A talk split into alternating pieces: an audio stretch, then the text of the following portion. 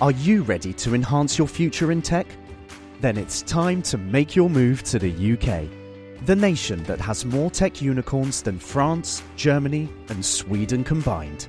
The nation that was third in the world to have a $1 trillion tech sector valuation. The nation where great talent comes together. Visit gov.uk forward slash great talent to see how you can work, live, and move to the UK. Hey, I'm Ryan Reynolds. At Mint Mobile, we like to do the opposite of what Big Wireless does. They charge you a lot, we charge you a little. So naturally, when they announced they'd be raising their prices due to inflation, we decided to deflate our prices due to not hating you. That's right. We're cutting the price of Mint Unlimited from $30 a month to just $15 a month. Give it a try at mintmobile.com slash switch. $45 upfront for three months plus taxes and fees. Promo for new customers for limited time. Unlimited more than 40 gigabytes per month. Slows. Full terms at mintmobile.com. Say hello to a new era of mental health care. Cerebral is here to help you achieve your mental wellness goals with professional therapy and medication management support. 100% online. You'll experience the all new Cerebral Way, an innovative approach to mental wellness designed around you. You'll get a personalized treatment plan from a therapist, prescriber, or both in a safe and judgment free space. Your cerebral therapist or prescriber will outline a customized plan with clear milestones along the way so you can get to feeling your best. With Cerebral, you're not alone in your mental health journey. We're here to empower you to live a fulfilling life. So take that first step towards a brighter future and sign up today at cerebral.com slash podcast and use code ACAST to get 15% off your first month. Offer only valid on monthly plans. Other exclusions may apply. Offer ends July 31st, 2024. See site for details.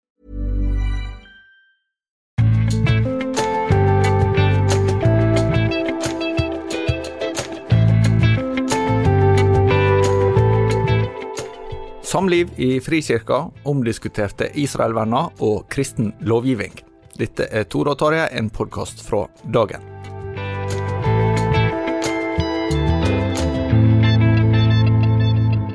Gratulerer med dagen, Tor Hjalmar. Likeså, Tarjei, og nå kan eh, lytterne lure på hva vi gratulerer hverandre med. Og Det er jo at vi eh, for første gang eh, på fem år har fått nytt studio. Rett og slett gått ei etasje ned i Dagenhuset. For å gått et eh, nivå opp. Ja, fordi vi har fått et dedikert podkastrom. Vi har hittil brukt kontoret vårt. Ja, og det skal vi bruke fortsatt, men ikke til eh, lydopptak. Så her har vi altså Vi har napoleonskake. Det er jo kaker for voksne folk. Vi vurderte om vi skulle ta med en sånn eh, Nå var det jo snakk om å boikotte israelsk vin fra Golanhøydene. Eh, vi kunne tatt med en flaske av det som skulle vært boikottet. Ja. Det ble litt langt. Det er bare en av oss som ville smakt på tilfellet. Det handler ikke om boikott. Så vi har altså Ja. istedenfor eplemost fra Hardanger. Vi kunne ikke sikte lavere enn det. Så da er stemningen god her i studio, i hvert fall. da. Ja. Så det er bra. Det, det syns vi var litt eh, kjekt, da. Så selv om ikke, ikke lytterne ser se dette studioet foreløpig, kan vi vise Ja, fram vi skal ha litt blomster og sånn, så Ja, så skal vi dele noen bilder på, på Facebook. Ja, ja, Men, ja. men eh, så håper vi at det, det, kan, det kan høres at vi er fornøyde med de nye omgivelsene. Nettopp.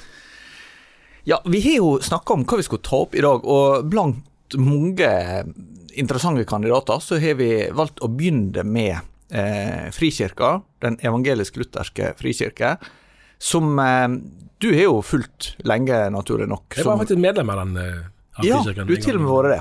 Tidlig ungdom. Ja, jeg har også hatt litt berøring med den, men aldri vært medlem der.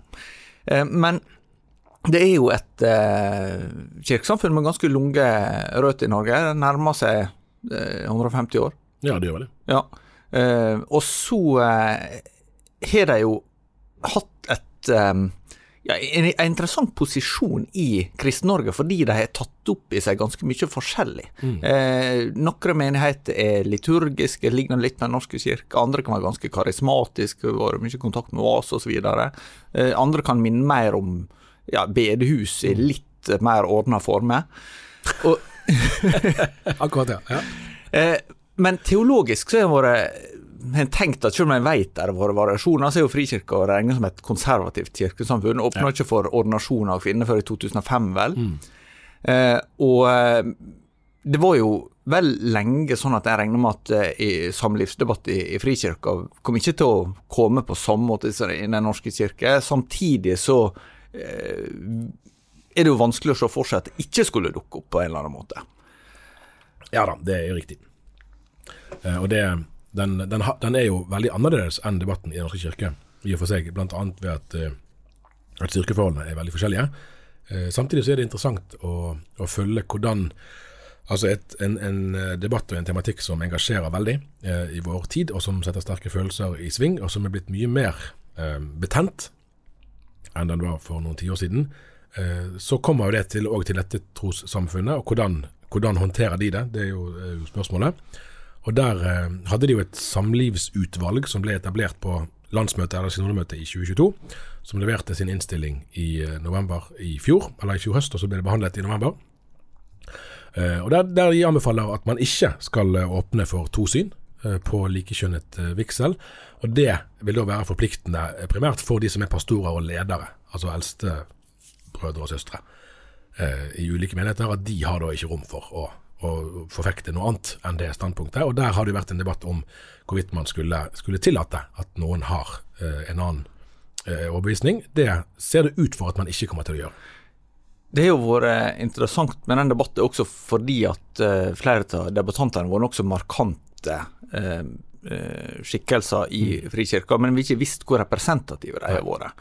Eh, per Eriksen er jo et eksempel som er pastor i Fredrikstad frikirke, mangeårig redaktør i det som var Frikirka sitt organ Budbæreren, mm. og senere journalist i Vårt Land. Så han er jo en som kjenner Kristen-Norge godt, og mange i Kristen-Norge vet hvem er, og er eh, ja, utdanna teolog, veldig skrivefør og talefør, og, og dermed vært nokså nok synlig. Ja. Eh, og så har du også Kraftverket, som er mer sånn ungdommelig, eller urban menighet i Ungdommelig er sånn som deg og meg, da.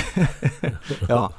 Eh, og så er det jo enkelte andre, for den som har fulgt med, men blant Frikirke sine 82 menigheter, så har vi på en måte ikke visst hva som er det store bildet. Nå begynner det å iallfall avtegne seg litt mer. Ja, for nå skal de ulike menighetene ha sine, sine årsmøter og, og, ta stilling til dette forslaget og, og velge delegater til sommerens møte. og det, De har vel ikke nødvendigvis bundet mandat, men, men de vet jo hvilket, hvilken, hvilket votum eh, årsmøtet har gitt. så Det vil jo ha noe å si antagelig for, for debatten og for stemmegivningen i sommer. Eh, og ingen, ingen vet eh, med sikkerhet. Eh, og en ting er hva man visste for fem eller ti år siden, man vet ikke nå. Eh, hva som skjer. Og det vakte jo en viss overraskelse når Kristiansand frikirke, som er vel Jeg lurer på om Vennesla er enda litt større i medlemstall, men Kristiansand har jo tradisjonelt vært kanskje den sterkeste menigheten i Frikirken. Og Der var det et flertall som ikke støttet eh, den innstillingen som dette samlivsutvalget la frem.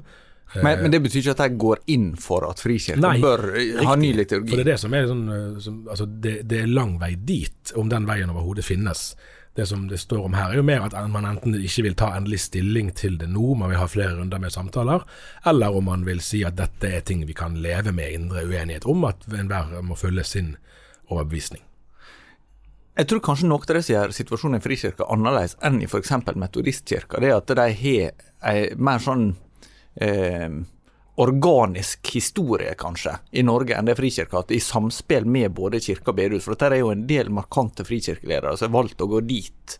Eh, hvis du ser mm. eh, iallfall en generasjon eller to tilbake igjen, fordi de var oppgitt over situasjonen i Den norske kirke. Eh, og så er det også en del som har eh, kanskje kommet fra bedehusland og opplevd at der har det vært litt for eh, lite kirkestruktur og sånn, og søkt seg inn mot mot Frikirka. Og så er du andre som har lunge familierøtter og alltid hørt til. og Det, det varierer en del fra landsdel til landsdel. Du nevnte Sørlandet, der har Frikirka stått veldig sterkt. Ja. Men på, på vest, store deler av Vestlandet har egentlig Frikirka stått ganske svakt, ja. Eh, med, med, relativt få ja, menigheter. Ja, den har liksom sin egen uh, geografi. Og så er den litt uh, altså rundt uh, Oslofjord det en del, og ja. Trøndelag, Nordland er det en del. Så det, det, det er sånn eiendommelig på den måten. Men, men um, um, det virker kanskje på meg som at nesten de yngre eh, som har vært markante i debatten, er mer eh, konservative enn riktig, de eldre. Riktig, det inntrykket har jeg, og det har jeg fått bekreftet fra flere. For Det, det er jo det man kanskje typisk vil tenke at, eh, at i, den, i den saken her, når det er kontroversielt og det koster så mye sosialt og politisk å stå opp imot det som er rådende trender, så vil de yngre bli mer og mer liberale. Men her er det faktisk stort sett godt voksne folk som har vært de som ønsket liberalisering, mens særlig de yngre pastorene eh, er gjerne mer konservative enn de eldre. Men så er jo spørsmålet om den logikken òg kan overføres til medlemmene.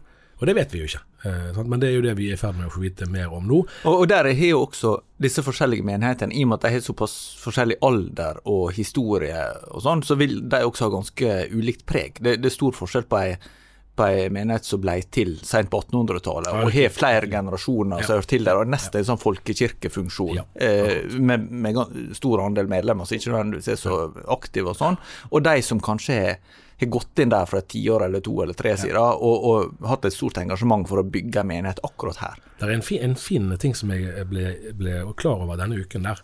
Eh, fordi, at, fordi at i Kristiansand eh, så har du, som du beskriver, at den menigheten er jo gammel. Eh, så der er det jo folk som har vært medlemmer i kanskje tre, fire, fem generasjoner. Og det er til og med mange menigheter ganske nær Kristiansand. Virkelig. virkelig. Ja, jeg sa jo det at Vennesla er kanskje større medlemmer. Det er jo bare 15-20 minutter å kjøre. Så det er nesten utrolig. Men det er sånn som går an på Sørlandet. Men at man har, man har et todelt medlemskap i Frikirken. Og nå heter det medlemmer med og uten stemmerett. Og da var det noen som mente at, at dette medlemsmøtet ble i hermetegn kuppet av folk som ikke gjerne er så aktive på gudstjenesten ellers, men som kom her og stemte, og som da sikret flertall for det, det som ble eh, vedtaket. Eh, og det kan man diskutere lenge og vel. Eh, og, så, og så vil man jo kunne si at, at eldsterådene i prinsippet burde ha skrevet flere av disse medlemmene ned i såkalt medlemskap uten stemmerett, hvis Ja. de ikke i praksis er så aktive. Hva kriterier er det som blir brukt da? Nettopp, og det er det som er litt interessant. Fordi at, fordi at Når du hører på navnene på de medlemskapskategoriene, så tenker du at det er formelt, med og uten stemmerett. Ja vel. Men historisk så er jo dette mye mer alvorlig egentlig enn det. Eh, For en generasjon siden, jeg lurer på om det var tidlig 2012, tror jeg det skiftet, eh, at før det het, het fullt medlemskap og begrenset medlemskap. Men det som egentlig er opprinnelsen, og det som er eh, interessant, er at når Frikirken ble til, eh, slutten av 1800-tallet, så finnes det papirer på at man snakket om ikke nattverdberettigede medlemmer, altså katekumene, altså folk som var på vei inn i kristen tro. Eh, og så var den positive, eh, altså A-medlemskap om du vil, det var da kommuniserende medlemmer. Altså folk som tok del i kommunionen i nattverden. Sant? Og da forstår du jo at, at dette som nå heter medlemskap uten stemmerett, som kan virke som en sånn juridisk formell kategori, er jo egentlig en medlemskategori for de som på er på vei til kristen tro, men som kanskje ikke er helt kommet dit ennå. Og da er det jo en ganske seriøs ting da, hvis eldsterådet i en menighet, ledelsen i en menighet skal si til noen at du vi er ikke sikker på om du er kristen lenger, sånn at eh, vi må skrive det ned i begrenset eh, eller redusert medlemskap. Det er en Man skal ha en viss eh, ja, overbevisning, da, i det minste, for å gjøre noe sånt. Og dermed, for da blir jo spørsmålet neste runde hvor mange ganger må du være på gudstjeneste for å være moralsk kvalifisert til å kunne stemme på et møte i en menighet du er medlem i? Det er ikke så lett å sette noen, noen fast regel for det. Men betyr at eh, denne distinksjonen er mer eller mindre blitt sovende, at den, den ikke blir praktisert så mye? jeg, jeg ser, den, den um, altså det å skrive folk ned i redusert eller begrenset, eller da medlemskap uten stemmerett, det tipper jeg vel skjer i nokså begrenset grad. Eh, akkurat utbredelse av de to kjenner jeg ikke til. Eh, men, men det er jo en kjensgjerning. Altså, Frikirken har et gammelt prinsipp om at troens saker skal avgjøres av troens folk. Det var noe av poenget med at Frikirken ble til, at man, ikke, man ville ikke være som statskirken den gangen. Eh, men, men ha en tydeligere profilering av at dette var de troendes eh, fellesskap. Eh, og så er jo det òg et sånt prinsipp som høres lettere ut enn kanskje enn det er i praksis å håndheve. For, for eh, hvem er det som skal ha myndighet til å definere hvem som er kvalifisert og ikke? Eh, Ut fra det vi har sett så langt, så er det jo en del menigheter som har hatt medlemsmøte og har stemt. Du nevnte Kristiansand. Eh, også Porsgrunn og Fredrikstad har gått inn for, eh, eller har sagt seg uenig med dette, denne innstillinga. Eh, er det andre menigheter som har, stemt som er overraska så langt? Det vet jeg ikke om jeg har forutsetninger for å si. Altså, jeg kjenner ikke de enkelte menighetene godt nok til å kunne si hva som overrasker og ikke. Og foreløpig, er det, eh, tror jeg, under halvparten av, av menighetene som har levert sin endelige eh, sin endelige liksom, anbefaling. Sånn at, sånn at, og dermed vet man jo ikke om de som har vært tidlig ute, man vet ikke sikkert om det er de som er mer konservative, mer liberale eller egne delene. Eh, så dermed er det, er det tidlig å si eh, hvor dette vil føre. 4. mars er svarfrist, og da vet vi antagelig eh, en del mer. Men, men nå er det jo lederkonferanse i Frikirken nå i helgen. Der skal ikke de vedta det, det, er ikke et kirkemøte i den forstand, det er til sommeren eller juni det kommer. Nå skal de møtes og bli inspirert, og det kan jo være Jeg skal bort der en tur i morgen. Det skal bli spennende å se om, om, de, om det funker å være sammen i lovsang og i bønn og forkynnelse når, man, når det går en veldig smertefull debatt, i hvert fall smertefull for en del. Eh, samtidig, så langt ser det ut som at det har gått bra, og, og det er jo der er få altså Øyvind Døvik, pastor i Randaberg, tok jo til orde for at man burde i ytterste konsekvens sørge for å, å løse noen fra stillingene eller tjenestene sine. Sånn at hvis de ikke ville følge opp eh, det som har vært kirkesamfunnets lære. Så langt er det jo ingen andre som har sagt det. Så det virker jo som at, at man, i hvert fall på den konservative siden, ikke har tenkt å hive noen ut, eller å gå inn for det, men at man prøver å finne en vei videre som, der de kan, kan, høre sammen. og der de, For meg var det nytt at de skjelner mellom bekjennelsesspørsmål og frelsesspørsmål. Bekjennelsesspørsmål bekjennelsesspørsmål som man har i Den kristne kirke fordi at man utleder Bibelen i bekjennelsene, både den, altså trosbekjennelsen som vi alle kjenner, men òg bekjennelsesskriftene, som Den norske kirke òg har. Ja, fem til sammen. Nemlig. Eh, men, men, eh, men, her skjelner man altså mellom, mellom, det, litt parallelt med at han, man kan ha ulike dåpssyn og anerkjenne det som ulike eh, kristne legitime syn.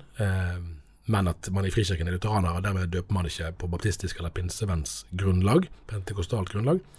Eh, og på samme måten vil man da si her at, eh, at vi vil ikke frata noen kristentroen fordi de vil, vi vil ikke skjønne det, men vi kan ikke stå inne for å gjøre det.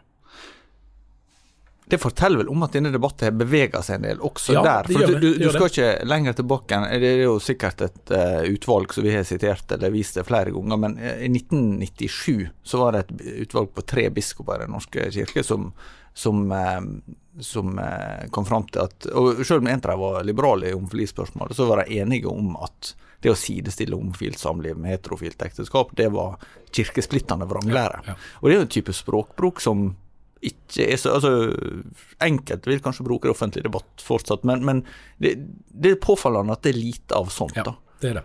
det er en, og, det, og det er en, en eh, altså for, for, eh, her, Hvis man skal spørre er dette synd, f.eks., eh, så, så er jo det, om du svarer nei på det spørsmålet, så er det noe annet enn å svare ja på det spørsmålet. Det er jo det mange konservative vil si at dette kan ikke jeg åpne for, dette, dette bryter med, med kristen lære. Det er ikke noe vi kan ha to syn på. Uh, og der, der, sier man jo uh, noe annet uh, enn det. Nei, det, det, er en ny generasjon ledere, sant? Som, og det er en ny generasjon kristne mennesker i det hele tatt, som nå skal finne en vei. Da, men, men hva oppfatter du som uttrykk for at, at debatter blir såpass annerledes? Altså, vi, vi, er jo kanskje overvurderer hvor unge vi sjøl er, og etter hvert vi vil jo holde på med dette en stund, men, men, det er jo litt interessant at debatt, en debatt kan endre seg bare i løpet av vår tid ja. som kristelig journalister såpass mye som han har gjort. Ja. Nei, og akkurat hva som har gjort det, det, det, er et stort spørsmål som jeg tror må ha flere forskjellige svar. Men, men i hvert fall ett premiss som jeg tror har endret seg mye, er jo at de som nå både er pastorer rundt i menighetene og som er medlemmer rundt i menighetene, på en annen måte enn for en generasjon siden, så um, må man avfinne seg med at denne spenningen lar seg ikke uh, skyve ut. Den lar seg ikke eliminere. Uh, det er for mye kraft, altså oppslutning, eh, i den, om den til det. Eh, og dermed eh, er det mer et spørsmål om hvordan man kan leve med det. Og da er dette et forsøk på det. Og så, og så får vi jo se litt om fem og ti år. Vil jo kanskje flere ha meninger om hvorvidt det og det vedtaket var klokt. Og, og det er mange her som, som, må erkjenne at de snakker annerledes og tenker annerledes enn de gjorde før.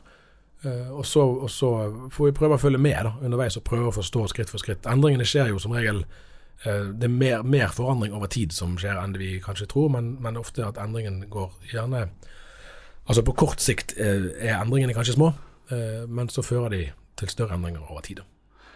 Apropos ting som endrer seg, så uh, hører jeg på vei til jobb i dag på uh, en reportasje fra NRK om kristensionisme og Den norske kirke som var bekymra for det. Vi har jo laga en egen episode om kristensionisme for den som måtte være interessert i litt mer sånn utfyllende samtale om det, som en kan finne i arkivet. Men dette kommer jo opp nå pga. Eh, Gaza-krigen.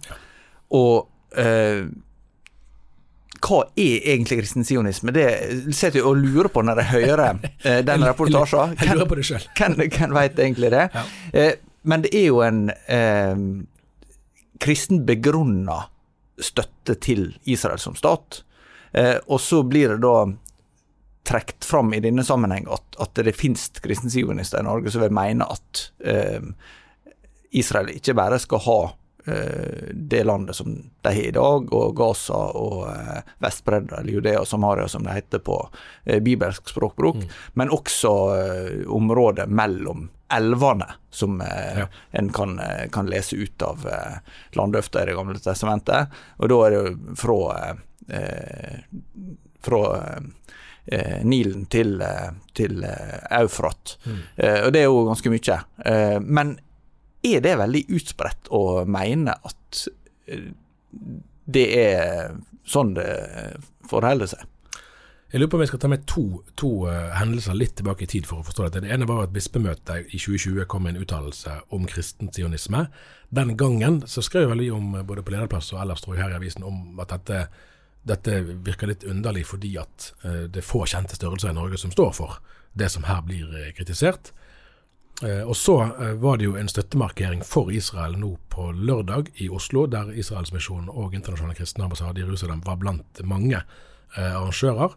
Der eh, sa jo Den norske kirke tydelig fra at de ikke ville være med. Eh, og Der kom det jo interessant nok en uttalelse fra preses Olav Fykse Tveit, der han med rene ord sa at det var utenkelig for han å være med på en markering når IKAI var med, altså Internasjonale kristne ambassade i Jerusalem var med. Eh, og Han var jo sjøl i Jerusalem for en måneds tid siden, kanskje noen uker siden, og ble jo intervjuet på Dagsrevyen og, og på Nyhetsmorgen på radio. Det var vel der at det var en sånn overskrift 'advarer mot konservative kristne', og det er vel der det går en linje eh, til dette. Fordi at da, da er det jo egentlig en, en, eh, en, form for sionisme som blir kritisert, som egentlig ikke så mange i Norge sjøl vil si at de tilhører. Og så er det jo et skille her imellom det en vil arbeide for politisk, og det en tenker teologisk kan være eh, ja, at, at en vil ikke ha for sterke meninger om hva som blir en fasit i en slags sånn, eh, situasjon ut fra ting som eh, mennesker ikke rår over. Men, men, men, det er jo sånn som fort kan høres som en sånn her Oi, dere dere er jo eh, for eh, folkemord og for eh, på en måte grenseløs utvidelse i strid med folkerett osv. Så, videre. så Så det, det kan jo ringe noen bjeller når ja. en uh, hører sånne ting. Ja. Det finnes jo en hel flora av, av norske Israel-vennlige organisasjoner, og de har jo det er en grunn for at det finnes mange av de, for de har da forskjellige nyanser av, av grad. F.eks. av hvorvidt de mener ting om hvor grensene bør gå uh, og ikke gå. Uh, men både IKAI og Israelsmisjonen f.eks. vil vel si at de ikke er primært politiske organisasjoner. Det betyr, altså, Du kan ikke løsrive livet fra politikk. Sant? Altså, Ytre rammer uh, betyr noe, lover betyr noe. men at, at, det ikke er det som gjør at de, at de opererer. at du må mer, mer, inn i marginale miljøer for å finne For du kan jo, det er jo sant det, at du kan jo finne retninger, og sikkert òg innenfor sionisme, der arabiske liv blir bare en brikke i et spill. Eh, og der man, også, der, man, der man, egentlig ikke tenker så nøye over hva som skjer på Gaza nå. fordi at man tenker bare at jeg er på lag med Israel, og de må gjøre det de syns de må gjøre. Ferdig med det. Eh, og Det er klart at det, det, vil jo mange ha behov for å reagere mot. og Der, der vil jeg kanskje si at, at preses trykker borti et punkt som jeg tror egentlig der er litt mer hold i enn en gjerne en del Israel-venner vil gi han rett i. At det, det hadde vært et gode òg om det var blant norske Israel-venner litt mer debatt om hvorvidt man grenseløst sitter seg bak det som den til enhver tid sittende israelske regjeringen gjør, for det gjør jo ikke alle israelere. Eh, på den annen side så, så, eh, så jo vi eh, Vi kunne lese i dagen her i går, eh, onsdag, om at det var en demonstrasjon her i byen der det gikk folk og sa 'ingen sionister' i våre gater. Det er jo en utrolig det er jo en rasistisk uttalelse, egentlig. Det rammer kjempemange. Hvis det er greit å si, hva mer er det greit å si da? Eh, og med en sånn bakgrunn så, så, skulle det være mulig å markere støtte til denne demonstrasjonen f.eks., uten at man dermed blir slått i hardcore med de mest ytterliggående av sionistene. Der er et, en endring nevnt i den Israel-debatten, hvis du sammenligner med da vi kom inn i dagen rundt året 2000. Uh, så, ja. så er det mitt inntrykk at det var flere kristne som hadde leserinnlegg der en f.eks. argumenterte for eh, hvor grensene burde gå eh, i Midtøsten, og eh, aktuelle eh, politiske stridsspørsmål i, ja. i, lys av Bibel og historie og forskjellig. Ja. Jeg har en opplevelse at det er blitt mye mindre av. Ja, jeg kjenner nok igjen den opplevelsen. Tidligere var det mye mer Altså, En av de mest interessante sakene jeg sjøl har skrevet om dette, var, og det tror jeg har vært etter 2005, når Israel trakk seg ut av Gaza.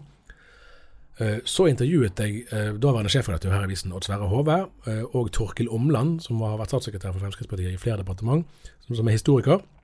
Og Rolf Gunnar Heitmann, som den gangen var generalsekretær i Israelsvisjonen. Og spørsmålet var har Israel i hermetegn lov til å forhandle vekk eller til å gi fra seg land innenfor dette området, hvis man har en tanke om at dette er Guds land.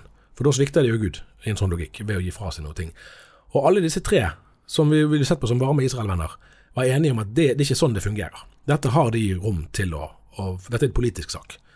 Eh, det, det, det, fortalte meg jo noe, det. At selv, selv disse var helt klare på at det der er en politisk avgjørelse, det, det kan Israel eh, foreta. Og, og allerede der er vi jo egentlig i brudd, vil jeg si, med kristen sionisme, sånn som den blir fremstilt nå. da. Eh, og, men, men, for da var det jo, det var jo reell debatt. Er Vestbredden okkupert? Sant? Er Gaza okkupert, osv.? Eh, eller er det folkerettsstridig okkupert, eller er det lovlig okkupert? Det finnes jo forskjellige nyanser av dette. Den debatten eh, eh, har vi nesten ikke sett noe til på jeg vet ikke hvor mange år. Ti år, kanskje? Nei, og så er det jo også viktig å være klar over at det, sånn som du nevner at, at det, er ganske store forskjeller blant disse Israel-organisasjonene, der somme vil være primært opptatt av altså Israels misjon er jo et eksempel som er primært opptatt av å eh, formidle evangeliet om Jesus til det jødiske folk, og, og begynte med det lenge før, altså over 100 år før dagens Israel ble, ble opprettet. Det er jo Norges nest eldste misjonsorganisasjon. Eh, og så er det en hel flora av andre organisasjoner som har andre typer engasjement. Sånn som Internasjonale kristne ambassader i Jerusalem har vel først og fremst som sin eh, visjon å støtte og, og trøste det jødiske Ja, folk. det er derfor de kaller seg for ambassade. Ja, altså. så, sånn at de, de er en slags eh, og, det er jo en organisasjon med, med forgreininger i, i mange land. Mm.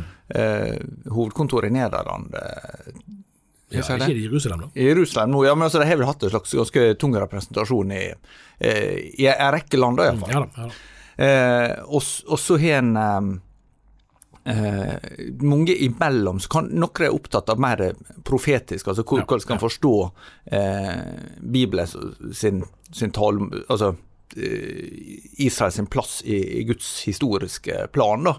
Eh, og, og somme som er opptatt av å sende volontører og, og samarbeide med det israelske sivilsamfunnet på forskjellige måter. Så, så det er ganske sånn eh, Selv for oss som jobber med det, så er det mange aktører som, eh, som kan være små og, og vanskelige å plassere på en sånn skala. Ja, ja.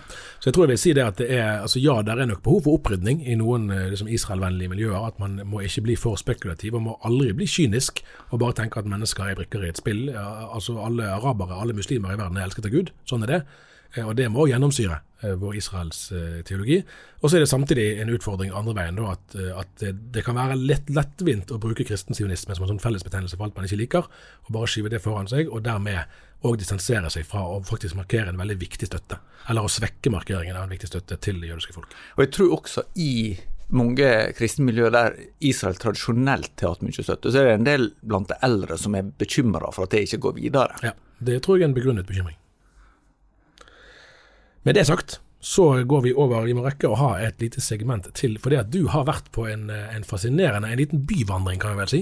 Ja, stemmer det. Det er jo eh, ofte i journalistikken at en kan møte ganske interessante mennesker, og som er jo svært interessante. Det vil jeg si om eh, professor Jørn Øyragen Sunde. Han er rettshistoriker, og jobber ved Universitetet i Oslo, og har i 23 år jobba ganske inngående med Magnus Lagerbøter. Og eh, hva visste du om Magnus Lagerbøter? sånn i utgangspunktet? Det var ikke mye. Nei, han er jo aktuell i år fordi det er 750-årsjubileum for landslova. Så var det den første eh, landsomfattende lova vi hadde si Norge. hva lagerbøter betyr. Det betyr den som forbedrer lovene. Nemlig. Og eh, han eh, eh, var altså den tredje i Europa som fikk innført ei landsomfattende lov. Så dette her er jo ganske Det var egentlig sånn tysk-romerske keisere drev med, Ja.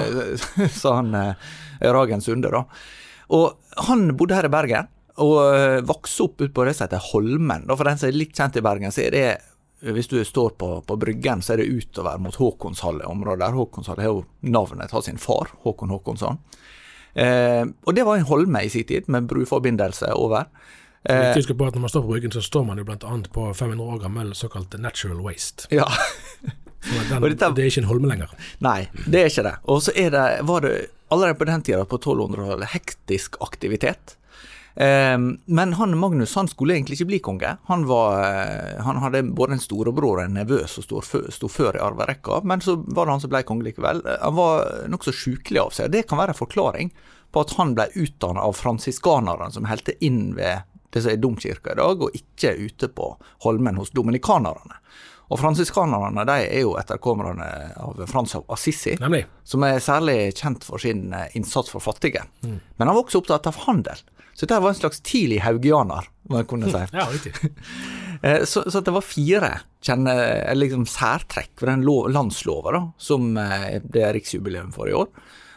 Og det er hensyn til de fattige. Det, Magnus han ville ikke bare at det skulle være et kirkelig ansvar, så var det vanligere rundt i Europa. Det skulle være et offentlig ansvar. ja. Nei, det kan vi godt si et par ganger. Ja. Og, ikke, og tenk på omvendt. Ja. Og ja. Mm, Ja. Og så var det for det andre eh, handel. At det skulle være gode forhold for å drive handel. For skulle du ha noe å gi til de fattige, så må du tjene penger. Ja. Eh, og så det tredje, det var kvinnene. At de fikk eh, større disposisjonsrett over egen eh, arv, og eh, i praksis større rett til å eh, avgjøre hvem de ville bli gift med. Og den, den retten forsvant litt en stund, så kom den tilbake igjen. Eh, i dag og tid. Ja, nettopp. Ja, det stemmer sikkert. Denne lova ble stående i 400 år, og så ble den egentlig stramma litt inn da med Kristian 5.s lov, sett på 1600-tallet. Danskene ville ha det litt, litt strengere. eh, og så var det det fjerde, det var at det skulle være folkelig medvirkning. Eller de som var borgere, som, som var, eh, var med i dette her gildeskål, som heter det. Eller et, eh, ja, et slags eh, rådsforsamling i, i Bergen. Eh, de, hvis de var, noe, de var misfornøyd med en loven, så skal de diskutere det. Så de kunne finne en bedre løsning. Eh, og det som gjør at Nå kan folk tenke hvorfor snakke om dette her. Ja, det, det er ganske interessant, for det er den kristne innflytelse og tanke om at han hadde faktisk et kall fra Gud til å skape denne lova. Den, den var helt sånn avgjørende, Fylle Ragen Sunde, for at lova ble sånn som den ble. Og, og det handler annet om eh, eh, noe som de kalte Guds fire døtre. Og det er en fortelling som visstnok eh, går tilbake til både eh, Ja, helt tilbake til jødisk tradisjon om at når Gud skal dømme Adam og Eva på den siste dag, så skal han bruke de, sine fire døtre, da, som er rettferdighet, sannhet, eh, miskunn og eh, Ja, hva var den fjerde? Nå sto det litt stille for meg. Det, det er menneskelig eh, Det, det, ja. ja. men poeng eh, Men det var iallfall at det skulle bli et utfall som var godt å leve med. Det var det, det, var det siste, da. Ja.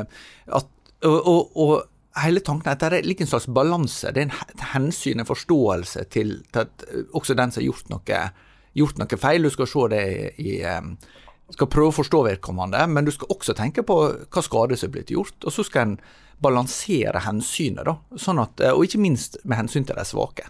Det var annet sånn en lova at eh, en, eh, hvis det var svolt i ei bygd, så var den som hadde såkorn til overs, hvis det var noen som hadde det, pliktig til å selge såkornet til de andre til, til, til markedspris. Og hvis de ikke var villig til det, så kunne en bryte seg inn og hente såkorn og legge igjen pengene. Og setter han seg imot med våpen, da er det lov til å drepe vedkommende. For folk skulle ha det, Altså, rettet til liv var viktigere enn rettet til eiendom. Interessant. Så det er ganske fascinerende. Og han Magnus blir jo kalt den milde, da. For at han, at han eh, var så opptatt av at eh, dette skulle ja, det, var, det var et kall han hadde fått, å, å skape et, um, et lovverk som gjorde samfunnet bedre for, for alle, inkludert de svakeste.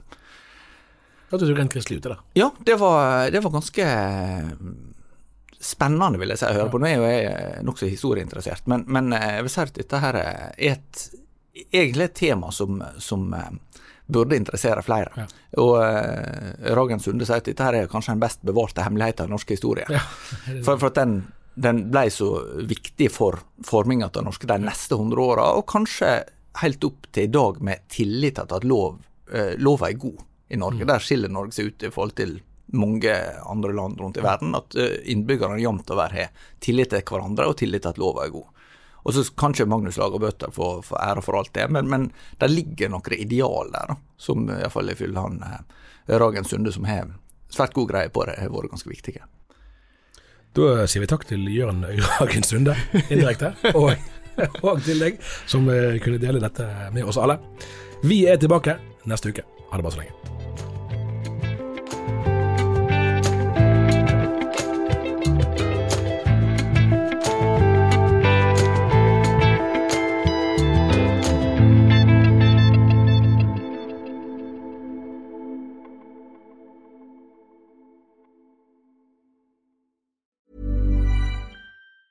Tired of ads barging into your favorite news podcasts?